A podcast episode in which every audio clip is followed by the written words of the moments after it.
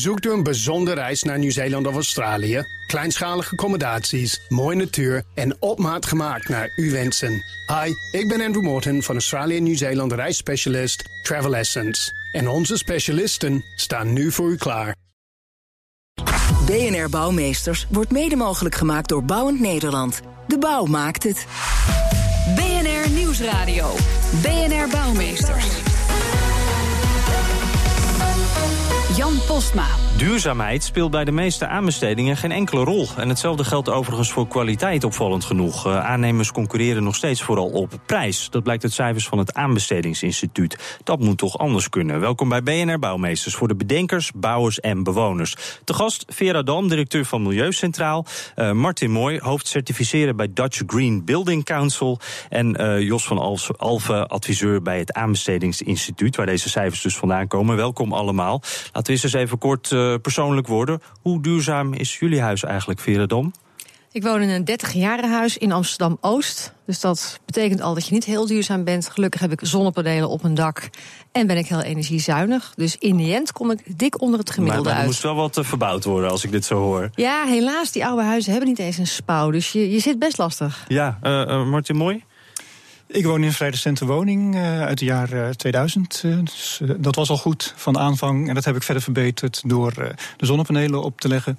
Die liggen er nu een jaar of zes. Die hou ik nauwlettend in de gaten. Ja. Verder sinds kort een slimme meter. En daar heb ik ook een computertje aangehangen... waarbij oh, ik ook, ook iedere nog. dag nauwlettend oplet hoe het verbruik is... en wat de pieken waren. Nou, dat dus, klinkt indrukwekkend. Uh, Jos van Alven, ga daar maar eens overheen. Ik ga er helemaal niet overheen. Nee? Ik ben een onbewuste consument die gewoon een leuk huis heeft gekocht. Dus uh, ook nooit gedaan, nagedacht over zonnepanelen of zo? En, dat, uh... Nou ja, ik kijk af en toe naar de energierekening en ik denk van... goh, het mag wel wat goedkoper. Ja. Maar ik heb niet echt concrete stappen ondernomen. Nou kijk, zo kan het ook natuurlijk. Maar een goede aanbieding van zonnepanelen heb je altijd laten lopen? Ik heb er geen seconde over nagedacht. Nou, dat gaat na vanmiddag nou, anders Ja, worden. we gaan vandaag eens eventjes kijken hoe dat, uh, hoe dat anders kan. Maar eerst gaan we eens even kijken naar die aanbestedingen. Uh, die zijn uh, nog helemaal niet duurzaam, dat zei ik net al. sterker nog, in 84% van de gevallen speelt het helemaal geen rol zelfs. Rob Bos van duurzame bouwmarkt Ecologisch ziet hetzelfde patroon. particulieren omarmen natuurlijke methodes, maar waar blijven die professionals nou? Dit is een klein duurzaam huisje om even te laten zien wat er zo al mogelijk is. Nou ja, waar, wat je kan zien hier is isoleren. En tegenwoordig wordt er weer geïsoleerd met uh, milieuvriendelijke materialen. En dat wil eigenlijk zeggen uh, materialen van vroeger in een nieuw jasje. Dus alles wat er een beetje groeit en bloeit, dat wordt in je huis gebruikt. Dus dat gaat tot stuk, uh, isolatie, plaatmateriaal, om de boel goed te isoleren en een beetje aan te passen aan deze tijd. Je hebt twee soorten isoleren bijvoorbeeld. Je kan damp open isoleren en damp dicht. Als je een doos maakt van piepschuim en je steekt je hoofd erin... heb je het heerlijk warm, maar je stikt de moord. Daar komt het eigenlijk op neer. Ja. En als je dat doet met deze materialen... dan ben je ook goed geïsoleerd, maar dan kan je nog eens een deur openzetten. Ja. Want de warmte die je opwekt in de ruimte... wordt opgeslagen in het materiaal. Ja. Rob Bos van Duurzame Bouwmarkt Ecologisch. We staan hier in een soort, een soort duurzaam poppenhuisje bij jou in de winkel. De isolatie hebben we gehad. Wat, wat is er nou nog meer belangrijk duurzaam te doen? Nou ja, vanwege dat hele damp-open idee moet je eigenlijk doorgaan. Dus je, je, als je een dak neemt, dan isoleer je. Maar je wil niet tegen dat spul aankijken. Mm -hmm. Dus je moet het aftimmeren, schilderen of stukken. Nou, in die, in, in die hele cyclus moet je zorgen dat het allemaal damp-open is. En eigenlijk alle materialen die wij verkopen hebben dat. Als je de verf bijvoorbeeld neemt. Dat is een verffabriek van, uh, vanuit 1890 uit IJmuiden. Hele grote Nederlandse fabriek. En die maken nu verf, zoals ze dat al bijna 100 jaar doen. Op lijnoliebasis. En wat blijkt? Ouderwetse verf, damp open. We moeten gewoon weer eigenlijk terug naar de oude natuurlijke methodes. En zie je dat ook steeds meer gebeuren? Uh, we zien dat steeds meer gebeuren. Aannemers die hebben daar een heel groot probleem mee. Want die zijn uh, erg moeilijk uh, om, te, om over te halen tot het gebruik van andere materialen. Die hebben daar toch ook de mond van vol? Duurzaamheid? Ja, maar mondvol en doen zijn toch twee verschillende toch dingen. Ja. ja, duidelijk, duidelijk. Nee, wat wij zien is dat jongeren heel graag willen. Die komen heel veel kijken hier en zich oriënteren. En doen kleine aanschaf. Want ja, in Amsterdam zeker zijn die huizen natuurlijk schrikbarend duur. Heb je geen geld meer over? Heb je geen geld meer voor over. En de mensen 50 plus... Eh, die de tijd hebben en zich ingelezen hebben... die zijn de, onze grootste klanten. Maar aannemers laten het heel erg afweten. Die moeten gewoon concurreren op prijs. Uh, Ja, en ik denk dat ze ook geen tijd nemen om mensen op te leiden. Dat ze niet investeren in de toekomst wat dat betreft. En dat ze niet zo goed opletten. Ja, Rob Bos van Ecologisch, zeg maar eh, de bouwmarkt voor de bewuste bouwen in Amsterdam. Eh, Vera Dam, is dit nou iets wat u ook eh, herkent? Dat die professional nog wat terughoudend is? Ja, wat wij vooral merken, wij adviseren natuurlijk consumenten. En met alle energiebesparingsadviezen op Milieu Centraal. En wat we wel merken is dat mensen dan zeggen... ja, we hebben offertes van onze aannemers... of we stellen vragen bij aannemers of glaszetters of installateurs. En ze krijgen vaak wel antwoord op hun vraag... maar soms ook niet meer dan dat. Terwijl ik de uitdaging zou vinden voor de hele sector. Dus voor alle aannemers en installateurs... om, als we met mensen in gesprek zijn, te zeggen van... goh, wat ontzettend fijn dat u bij me komt voor, eh, voor uw glas. Zullen we eens even kijken naar uw hele huis? Of wat goed dat Ja, u een nieuwe wat haar- verder kijken. Ja, hè, wat goed dat u een Ja. nieuwe HR-ketel wilt kopen. Maar misschien eh, leent uw huis zich wel voor een warmtepomp. Je hebt tegenwoordig een hele nieuwe, eigenlijk Mhm. een nieuwe fase, nieuwe generatie warmtepompen. Dus het net iets meer antwoord geven op de vraag dan alleen de vraag beantwoorden. Dat zou ik echt de uitdaging voor de sector vinden. Ja, want wa- wat we Rob Bos van eh, Ecologisch ook horen zeggen... het zou ook wel eens wat aan de opleiding kunnen liggen. Of, of in ieder geval, eh, die aannemers die weten het zelf misschien Ja. helemaal niet. Nou, je ziet echt dat het te maken heeft gewoon met de persoon zelf, of die erbij betrokken is. We hebben bij Milieustraal een project gedaan met installateurs die gewoon de controle deden van de ketel. En we hebben hun juist, want die mensen komen over de vloer bij jou thuis. Mhm. We hebben hun gezegd: van, Goh, kunnen jullie eens, als je toch bij mensen thuis bent, net even wat verder kijken en het gesprek openen over, van, nou, wat voor ketel hebben ze? Is die al een beetje oud? Of kan er een, hè, moet er een keer een nieuwe in? En dan merk je dat de mensen die het zelf leuk vinden, die gaan echt mensen adviseren. En andere mensen zeggen: Nou, ik ben al lang blij dat ik gewoon mijn, eh, mijn onderhoudsbeurtje doe. En Ja. ik ben de deur weer uit de groeten. Het moet er ook wel een beetje in zitten. Het moet ook wel een eh, beetje uit jezelf ja, ja. komen. Dus ik hoop ook dat nou ja, eh, er veel over praten met elkaar mensen steeds enthousiaster maakt. Ja, nou dat zal altijd helpen. Jos van Alfen, eh, als we eens kijken naar die aanbestedingen. hè. 84 procent daarvan wordt niks met eh, duurzaamheid gedaan. Hoe kan dat? Nou, helemaal niks is een groot woord. Er wordt plichtmatig wat aan duurzaamheid gedaan. Maar dat klinkt niet zo enthousiast Eh, het is een afvinklijstje van dingen die wettelijk moeten. En een ambitiedocumentje die je ergens uit een bibliotheek kunt halen. Die kun je eh, in een bestek vastleggen van dit moet je doen. En daar blijft het dan heel vaak bij je. En wat wij echt onderzoeken, dat is van welke aanbesteders eh, doen nu echt moeite om een toegevoegde waarde te krijgen op het gebied van duurzaamheid. Zodat je langer plezier kunt hebben van je gebouw. Zodat je stookkosten gedurende de periode eh, dat je van het gebouw gebruik maakt een stuk beter is. Maar je zou ook kunnen denken aan, aan, de, aan de kwaliteit van het klimaat eh, in Ja. je gebouw. Eh, dat zijn En- en die- allemaal aspecten.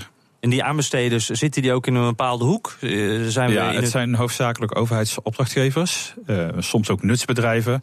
En ja, de professionaliteit van die partijen die varieert heel sterk. Eh, je moet denken aan bijvoorbeeld de schoolbestuur. Ja, die zijn, die zijn een keien lesgeven. Ja. Die, die krijgen zo af en toe eens een keer te maken met de bouw van een nieuwe school. En daar hebben ze geen kaas van gegeten. Daar huren ze wat experts voor in. Mhm. En er is een onderhoudsbudgetje waar wat mee kan gebeuren. Maar eh, eh, lesgeven is zo'n vak. Eh, en niet scholen bouwen en, en scholen goed onderhouden. Dus ook kennis is hier een, een drempel. Ja, er zit een, een groot verschil in, in professionaliteit. En eh, ja, als je daar verbetering wilt krijgen, dan zul je dus wat moeten doen aan de awareness van eh, eh, schoolbesturen. Dat er eh, echt wat eh, eh, in de lengte der jaren te verdienen eh, valt. Als je aan de voorkant daar wat extra moeite voor neemt. Ja, eh, Martin Mooi, eh, kun- kunt u zich hier ook in vinden? Ja, ehm, ja, wij doen veel aan eh, communicatie en eh, kennisoverdracht. Eh, even om te beginnen, de Screen Building Council is een, eh, een, een netwerkorganisatie die partijen uit verschillende hoeken van de bouwketen Mhm. met elkaar verbindt. Eh, Met wat een ik groen thema altijd, toch? Ja, wat, wat ik daarbinnen doe is het, eh, het onderdeel certificering. Dus wij proberen inzichtelijk te maken van wat is nou duurzaamheid. Want dat is vaak een heel abstract begrip. Mhm. Het is een heel breed begrip, een containerbegrip. En dat hebben we toch geprobeerd te vatten in, in een richtlijn, in een, in een norm. U heeft uw eigen eh, eh, kwaliteitsmerk, toch? Ja, het BREEAM-systeem, dat hebben we uit Engeland gehaald. Dus een internationaal keurmerk wat we bewerkt hebben voor de Nederlandse markt. En waar we mensen in opleiden om daarmee te kunnen werken en ook om te kunnen toetsen. En wij doen dan eh, de eindcontrole. En merkt u ook dat daar wat, wat verandert? Dat de mensen daar meer geïnteresseerd zijn in zo'n keurmerk en in duurzaam bouwen? Ja, het, het groeit sterk. We zijn er in 2010 eh, mee begonnen in de nieuwbouw. En je ziet dat hier in de Zuid, als in Amsterdam, is het keurmerk en tot het ene hoogste niveau nu de norm. En dan zie je ook dat er geen andere gebouwen meer neergezet moet eh, worden. Want ja, je komt er dan ook niet meer tussen. Hè. De- We hebben ook heel erg geprobeerd om de, de klant op te voeden om naar dit soort gebouwen te vragen. Um, neem met minder geen genoegen. Want het gaat niet alleen om de energiezuinigheid, maar het gaat over de gezondheid, het, het, het welbevinden en zelfs de productiviteit uh, van die werknemers in gebouwen. En dan heb je het over heel andere business cases dan over de business cases uh, van de energiekosten en de energieterugverdientijd. Mm -hmm. Ja. Um, dus die, die, dat systeem dat, dat, dat biedt verschillende niveaus en dat biedt op die manier ook inspiratie om te kijken van wat is nou de volgende stap. Je hoeft niet per se, dat proberen we ook wel bij te brengen. Zeker als je een bestaand gebouw hebt. Voor nieuwbouw is het vaak wel het idee dat je gelijk het topniveau wilt bereiken. Maar voor de bestaande bouw is het prima om een lager niveau te beginnen. En die lijst verder als inspiratie te gebruiken om te verbeteren. Ook een beetje kijken wat haalbaar is en wat qua investering uitkomt.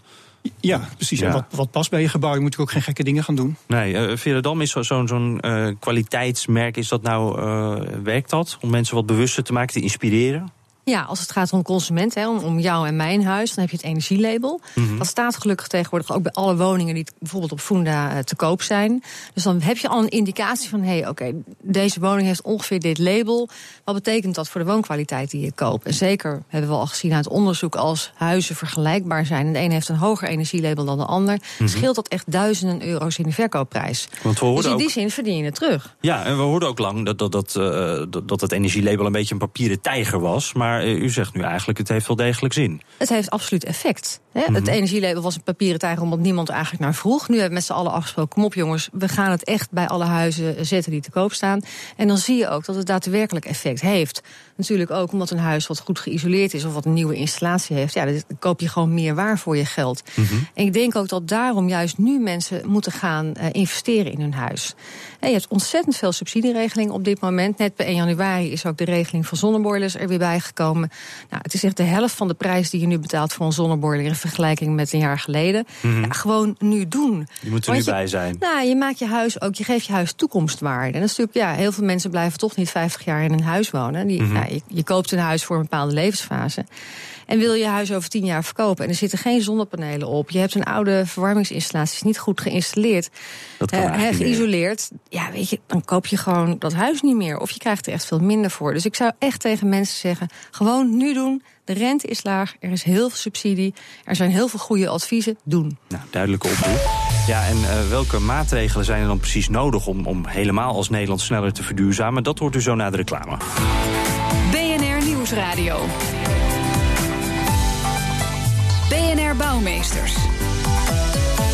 Om de klimaatdoelstellingen te halen zal de bouw sneller moeten verduurzamen. Welke maatregelen zijn nodig voor dat extra duwtje in de goede richting? Daarover praat ik verder met mijn gasten. Vera Dam, directeur van Milieu Centraal. Martin Mooi, hoofd certificeren bij Dutch Green Building Council. En Jos van Alphen, adviseur bij het Aanbestedingsinstituut. Uh, Vera uh, er zijn al een aantal eisen en maatregelen vanuit de overheid ingezet. We hebben het net al gehad over het certificaat natuurlijk. Uh, uh, maar is dit genoeg? Moeten we dit verder doorzetten? Wat moeten we in de toekomst doen? Ja, wat je ziet als je aan mensen vraagt van waarom doe je het nu niet? Dan zeggen mensen, ja, het is hartstikke duur en uh, misschien verdien ik dat nooit terug. Mm -hmm. We zien eigenlijk in ieder onderzoek dat mensen de kosten overschatten en de opbrengsten onderschatten. Dus ik denk dat we daar met z'n allen heel veel aan moeten doen. Dat je gewoon weet van ja, voor een paar duizend euro kan je je huis echt een enorme boost geven. Nou, maak je zo uh, twee labelsprongen. Mm -hmm. nou, de overheid heeft net samen met Milieustraal de campagne Energie besparen doe je nu. Opgezet. Dus kan je alle adviezen vinden. Dus ik ja. zou echt tegen iedereen zeggen, kijk er eens naar. Sluit ik goed aan bij uw oproep van net, denk ja, ik. Ja, en wat de overheid natuurlijk kan doen, is steeds die lat een eindje opschuiven. Ik weet dat mm -hmm. ook op de kantorenmarkt, banken bijvoorbeeld, die zitten nu tegen hun vastgoed te zeggen. Jongens, uh, straks is alles onder label C. Dat willen we gewoon niet meer verhuren. Dus we willen dat je nu gaat investeren. Mm -hmm. Maar je ziet met name ook bij banken, bij makelaars, zie je gewoon wel die beweging van ja, alles moet toch wat meer toekomstwaarde krijgen. Dus ja. ik denk dat het steeds opduwen van die lat is de rol van de overheid. Ja, uh, Martin Mooi, moet de overheid op blijven duwen, die lat? Ja, zeker. Ja, de overheid heeft een voorbeeldfunctie uh, en dat zie je ook in de regelgeving, de Europese regelgeving, waar het gaat over nieuwe gebouwen. Moeten alle nieuwe gebouwen vanaf 2020 uh, energie-neutraal zijn. En de overheidsgebouwen moeten dat al in 2018 zijn. Mm -hmm. uh, en hetzelfde geldt voor die label C-verplichting. Die geldt straks voor alle kantoren vanaf 2023. En dan past het dat de overheid, die eerder al heeft gezegd dat voor hun label C al de norm was, dat de overheid daar dan weer overheen gaat en uh, bijvoorbeeld label A dan als standaard neemt voor hun gebouwen. Ja. Maar er moet zeker een versnelling komen. Ja, we hebben zelf ook als uh, Dutch Building Council vorig jaar gezegd, na Parijs, nou, 2050 moet de hele wereld, de gebouwde omgeving, energie-neutraal zijn. De gebouwde omgeving is de grootste sector. Bijna 40% van de CO2-emissie zit in de gebouwde omgeving. Zoals Veer ook al aangeeft, er zit heel veel kosteneffectief besparingspotentieel. Waarom komt dat nou niet van de grond? Uh, laten we die stap zetten en laten we het, het, verder inzichtelijk maken en over die barrières heen stappen. En ook aan alle kanten. Dat zie je nu gelukkig gebeuren. De eindgebruiker, maar ook de banken, de makelaars, de taxateurs motiveren. Zeggen van nou, we doen het niet voor minder. Een energiezuinig gebouw is de norm. En dat, Mhm. dat hebben we een, een deltaplan genoemd, want die orde grootte moet het wel aannemen. We moeten nu gewoon met z'n allen want we horen nu allemaal dat dat gaan we allemaal niet redden. Er moet echt heel veel gebeuren om aan die eisen te gaan voldoen. Nou, wat de Klimaat, overheid nu eh, stelt, dat zijn de minimumeisen. Daar Mhm. moet je nog overheen, want met label C redden we het niet in 2050. Nee, daarom. Dus, dus wat voor, hoe kunt u dat aangeven? Hoe groot moet die versnelling zijn? Moeten we echt van lopen naar sprint? Of is het eh, meer dan ja, dat? zeker. Ja, het, het is echt alle zeilen bijzetten. Zowel op gebouwniveau de gebouwen zuiniger maken, de gebruiker Mhm. bewust maken, energiemanagement als ook verduurzamen. Maar dat, dat gaat gelukkig nu erg goed met Ja. de kosten van zonnepanelen en de kosten van wind. Maar dat is niet het enige. Het, het moet echt van al die kanten tegelijk eh, komen. En wat, ja, de gebouwde omgeving is een complexe sector met heel veel stakeholders. Hè. Als je het hebt over een utiliteitsgebouw, dan heb je de eindgebruiker, je hebt de beheerder, je hebt het energiebedrijf. Veel eh, partijen. makelaars, ontwikkelaars, eh, beleggers natuurlijk, eh, soms buitenlandse beleggers. Mhm. Ja, dat zijn allemaal redenen om je achter te verschuilen. Split incentives hoor je dan vaak naar voren komen. Maar nou, laten we daar eens een keertje overheen stappen. Het is nu ernst. Ehm, de norm is energiezuinigheid. Vraag daarom aan alle kanten. Ja. En op die manier het vliegwiel in werking proberen te krijgen. Ja, uh, Veredam, uh, bent u daar optimistisch over? Dat we dat allemaal uh, gaan redden voor die 2050 deadline? Nou, dat vind ik geen deadline 2050. De deadline is gewoon nu. En deadline ja. is 2020. Je ziet nu al ontwikkelingen, ik denk dat iedereen het wel gelezen heeft, van gas af. He, van we gaan eigenlijk langzamerhand toch het aardgas, zeker in nieuwe ja. woonwijken, leggen we het al niet eens meer aan. Nou, voor bestaande woonwijken is dat een enorme stap.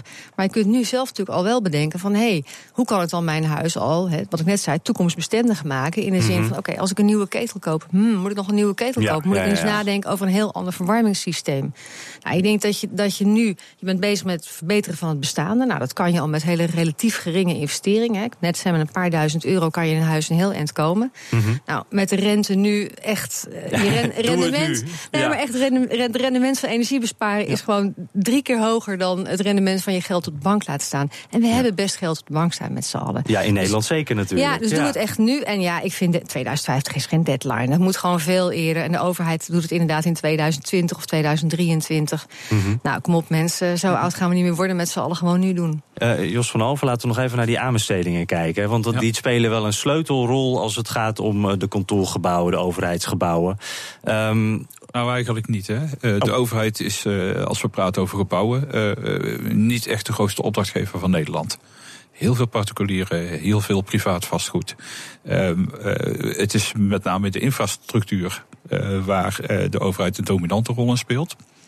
En het onderzoek wat wij doen wijst dat ook uit. Want ongeveer driekwart van de aanbestedingen die wij registreren, dat is infra. We hebben het over wegen en, en bruggen en viaducten. En daar kun je ook allerlei slagen in maken in duurzaamheid. Um, uh, en daar zien we het eigenlijk niet echt in voorkomen. Wat ziet u daar niet in voorkomen? Um, dat, er, dat er dus echt meer wordt gevraagd, toegevoegde waarde wordt gevraagd op het gebied van duurzaamheid. Ja. Er wordt toch heel vaak gewoon gekozen voor de standaardoplossing. Mm -hmm. uh, de traditionele methoden die al 10, 15 jaar worden toegepast. En hoe en, kan dat dan doorbroken worden? Want prijs is natuurlijk belangrijk. Dat zien we bij consumenten, maar dat zien we dus ja. ook bij de grote opdrachtgevers. Maar kijk, de, de, de, de aanbestedingsrichtlijnen geven daar zelf ook oplossingen voor. Hè, door heel nadrukkelijk te zeggen van goh, in een aanbesteding moet je proberen zoveel mogelijk maatschappelijke waarde te stoppen. En maatschappelijke waarde, dat is onder andere duurzaamheid. En uh, de richtlijnen geven ook aan van joh, je moet eigenlijk niet kijken naar de prijs van uh, de aanschafprijs van het product. Mm -hmm. Je moet kijken uh, naar wat kost het product op de lange termijn, over mm -hmm. 40, 50 jaar. Ga die kosten nou ook eens een keer meenemen in je aanbesteding. Want dan krijg je een ander kostenplaatje te zien. Hè, los van het, het, het duurzaamheidseffect. Uh, het heeft ook met geld te maken. Uh, door aan de voorkant wat meer te investeren, krijg je uiteindelijk meer, meer waar voor je geld. Maar dat is moeilijk uh, te kwantificeren vaak. Hè? Ik bedoel, je ziet die energierekening, uh, noemde zelf aan het begin van de uitzending ook al, dat is duidelijk. Ja. Maar andere meerwaarden, gezonder personeel, vrolijker personeel, dat soort dingen, die zijn moeilijk uit te drukken. Dat is ja, vaak... maar daar worden wel tools voor ontwikkeld. onder andere True Value is, is, is een methodiek die mm -hmm. onlangs is geïntroduceerd. En het is heel goed mogelijk om op wetenschappelijke basis dat soort kenmerken toch een waarde mee te geven. Oké, okay, gaat daar dan ook wat in veranderen de komende periode? Gaan we meer van dat soort nou, dat, dat hoop zien? ik wel, uh, want dan wordt aanbesteden een feestje in plaats van uh, een plicht. en dan, dan kan de creativiteit gaan opborrelen en dan komen de mooie oplossingen naar voren. Hè? Want uh, het zal toch ook vanuit de innovatietak moeten komen en die wordt ja. te weinig aangestuurd. Ja, en, en, en wat is de rol van de bouw daarin? De rol van de bouw daarin is, is dat ze natuurlijk uh, continu uh, richting de aanbestedende diensten moeten aangeven dat ze meer kunnen dan alleen maar braaf doen wat er staat. Ja, zien we daar eigenlijk dan hetzelfde gebeuren als bij de consument? Dat de bouwer meer moet aangeven wat de mogelijkheden zijn, Martin Mooi? Ja, ik denk dat dat wel heel belangrijk is. Uh, wij zitten met onze gebouwen echt in, in het topsegment, hè, de koplopers. En dat willen we nu overzetten naar het peloton of de kop van het peloton. Mm -hmm. En dan helpen die gebouwen heel goed om te laten zien van waar moet je nou aan denken? Dat, dat zijn we nu ook op internet in een, in een guide, zoals we dat dan noemen, aan het uitwerken. Van als je een bepaald gebouw uit een bepaalde periode hebt, met een bepaalde functie, wat kun je daar dan mee? En welke partijen zijn we nu voorgegaan en met wie hebben ze dat nu gedaan? Uh, die ervaringen uitwisselen. Dat willen die koplopers bij ons ook heel graag. Hè. De, de Edge hier van Deloitte aan de mm -hmm. Zuidas is het, duur, of was het duurzaamste gebouw. Het is inmiddels gepasseerd door een uh, gebouw in, uh, in Limburg. Uh, ja, die vinden dat ook hun rol om die ervaringen uit te dragen. De, de PR-waarde lijkt me daar ook belangrijk in voor grote bedrijven. Ja, ja dat zie je ook. Dat, nou, duurzaam inkopen hadden we het over. Dat je klanten er ook om vragen. Die vragen erom in, in wat voor auto rijden en wat voor papier gebruik je en wat voor koffie, maar ook in wat voor gebouw zit je. Ja, als we nog even kijken naar de, de consument, Veradom, uh, werd net ook al genoemd uh, in, in grotere steden waar de huizenmarkt ook oververhit is. Ik noem een Amsterdam, waar veel van uh, dat soort jaren 30 huizen staan, ook waar, waar u ook in woont. Dan moet je toch wat investeren om daar te gaan wonen en een mooi vrij label te krijgen. Maar dat is ook wel moeilijk, want je houdt weinig geld over op dit moment. Nou, wat ik heel goed vind, excuus, is dat banken heel vaak uitgaan van de woonlastenbenadering. Dus banken gaan met jou in gesprek over je hypotheek. En ze zeggen niet alleen maar van nou, wat kost het huis en dus wat betekent dat voor je hypotheek. Maar ook wat kost het huis echt. In de zin van als je een hele hoge energierekening hebt. Ja, dan betekent het eigenlijk dat het huis duurder is dan je denkt. Nou, dan kan je dan niet de slag maken. En er zijn ook allerlei constructies wel voor. Om eigenlijk van die energielasten die je in de toekomst gaat betalen. Om daar een stukje naar voren te trekken. En dat te investeren in energiebesparing van je huis. Mm -hmm. Heb je dubbel winst, je hebt een beter huis. Je hebt lagere energielasten. Maar qua financiering op de lange termijn blijf je gelijk. Nou, dat soort constructies zijn heel interessant. En daar zie je ook steeds verder gaande samenwerking tussen banken en uh, nou ja, mensen zelf, maar ook de overheid. Van mag, mag je als energiebedrijf daar bijvoorbeeld dan weer tussen zitten en geld Ja, ja. lenen? Dat zijn ook best wel spannende ja, businessconstructies eigenlijk. Omdat Mhm. een energiebedrijf soms ook een beetje bang gaat spelen, jouw geld uitleent. Nou, best ingewikkeld. Maar ik denk ook dat daar de overheid kan zeggen: nee, maar het is heel erg logisch om energielasten absoluut onderdeel van jouw woonlasten te laten zijn. Dus laten we dat als één pakket nemen. En haal inderdaad, ik weet dat ze het in Friesland een keer hebben uitgerekend, wat ze als provincie met z'n allen eigenlijk betalen aan energie. Nou, dan kom je natuurlijk, al is het een kleinere provincie, kom je aan de miljoenen. Kan daar koud en toen zeiden ze van als we dat nou eens zelf investeren, Mhm. hè, Friesland, Energy Valley, wij gaan hier gewoon zelf aan de slag. Als je het zo optelt, ja, dan wordt het een hele mooie rekensom en is het eigenlijk voor iedereen ja, kassa. Laten we tenslotte nog even een kort rondje maken. Eh, Vera Dam, ik hoorde bij u wel enig eh, optimisme. U zegt, het moet gewoon nu eh, gebeuren. Dit, dit is een ontwikkeling die door gaat zetten, denk ik. Nou, en wat je nu ziet is ook de afgelopen jaren. Kijk, wat mensen lastig vinden zijn de standaardmaatregelen. Vloerisolatie, spouwmuurisolatie, die blijven echt achter. Mhm. Mensen denken dat ze dubbel glas hebben, maar is vaak al wat ouder dubbel glas. We hebben nu al veel mooier, hè, dus nog veel beter. Dus daar moet je toch echt nog wat aan doen. Ja, en het nieuwe komt eraan. De warmtebom, de zonneboiler, zometeen van gas af. We zijn eigenlijk staan we al met één been in die toekomst. Dus ja, ik zou zeggen, trek het tweede been erbij. Trek dat tweede been erbij. Martin, mooi ook optimisme richting de toekomst? Of moet ja, u nog wel we even zijn hier getrokken altijd worden? optimistisch in, want Ja. er kan zoveel. Dat, dat moet gebeuren en wij zullen dat eh, de komende periode inzichtelijk maken. Wij richten ons dan met name op het, uh, het commerciële vastgoed, op de utiliteitsbouw. Mm -hmm. uh, dat zijn we nu aan het uh, uitfilteren van hoeveel gebouwen zijn er, wat, wat is de energievraag van die gebouwen, wat zijn daar de mogelijkheden. En dat, dat alles bij elkaar noemen we het, het Deltaplan. En daar willen we met die sectoren afspraken over gaan maken. Daar praten we ook met Bouw Nederland over, met Uneto Veni, met VNO, NCW. Ja. Uh, dat we daar, elkaar daar ook niet in de weg gaan zitten. Dus we willen allemaal hetzelfde en laten we elkaar dan niet gaan bestrijden. Laten we met z'n allen die richting op gaan. Want Neus dezelfde kant op. Ja, en Jos van Alven hebt het al gezegd eigenlijk. Hè, aanbesteden moet weer een feestje worden. Dat, aanbesteden uh... moet een feestje worden. Aanbesteden moet ook meer een samenwerkingscultuur worden. Uh, die richting gaan we gelukkig ook uit. Ja. En uh, nu moet er nog een aantal mooie voorbeelden volgen, zodat de rest kan aansluiten. Nou, top. Dank uh, Jos van Alven, adviseur bij het Aanbestedingsinstituut. Martin Mooi, hoofdcertificeren bij Dutch Green Building Council. En Vera Dam, directeur Milieu Centraal. Kopen of huren? Herken ik een betrouwbare makelaar? Waar vind ik een goede klusjesman? Weet je wat? Ik vraag het Fred. Ik vraag het Fred. In deze rubriek beantwoorden altijd een bouwvraag van de luisteraar. Met deze week de vraag: welk gevolg heeft een flinke lekkage voor de fundering van mijn huis? En is er kans op schimmel? Een uh, luisteraar die uh, nattigheid voelt, zeg maar. Fred, vertel. Ja, zeker. Uh, deze vraag kwam van Jorn. Er is zich een lek voor gedaan in een cv-leiding. in de kruipruimte onder de vloer van de woonkamer ligt die, ligt die leiding.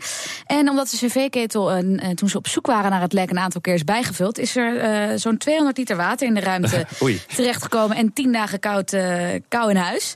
Dus uh, hij maakt zich een beetje zorgen nu het inmiddels is opgelost. Uh, of er niet nog gevolgen zullen zijn voor de fundering en dergelijke. Ja, en, en hoe zit dat dan? Moet hij bang zijn dat dit huis na die tien dagen kou al, ook nog tijdens de kerst begreep ik, nu gaat wegzakken? nee. Nee, de lekkagedokter heeft me kunnen vertellen dat hij zich absoluut geen zorgen hoeft te maken. Pas als er meer dan duizend liter in de ruimte komt, dan is het een probleem en kan het eventueel gaan verzakken en het zand wegspoelen. Maar anders hoeft hij zich absoluut geen zorgen te maken en is de Watergate, zoals hij het zelf noemt op Twitter, helemaal voorbij. Oké, okay, en dat is uitgezocht door onze eigen Woodward en Bernstein in één persoon. Fred, dankjewel. En tot zover deze uitzending van BNR Bouwmeesters. U kunt hem terugluisteren op bnr.nl/slash bouwmeesters. En we zitten ook op Twitter natuurlijk. Dus heb je een vraag voor Fred, BNR Bouw of mail naar bouwmeesters.bnr.nl. Dank voor het luisteren. BNR Bouwmeesters wordt mede mogelijk gemaakt door Bouwend Nederland. De bouw maakt.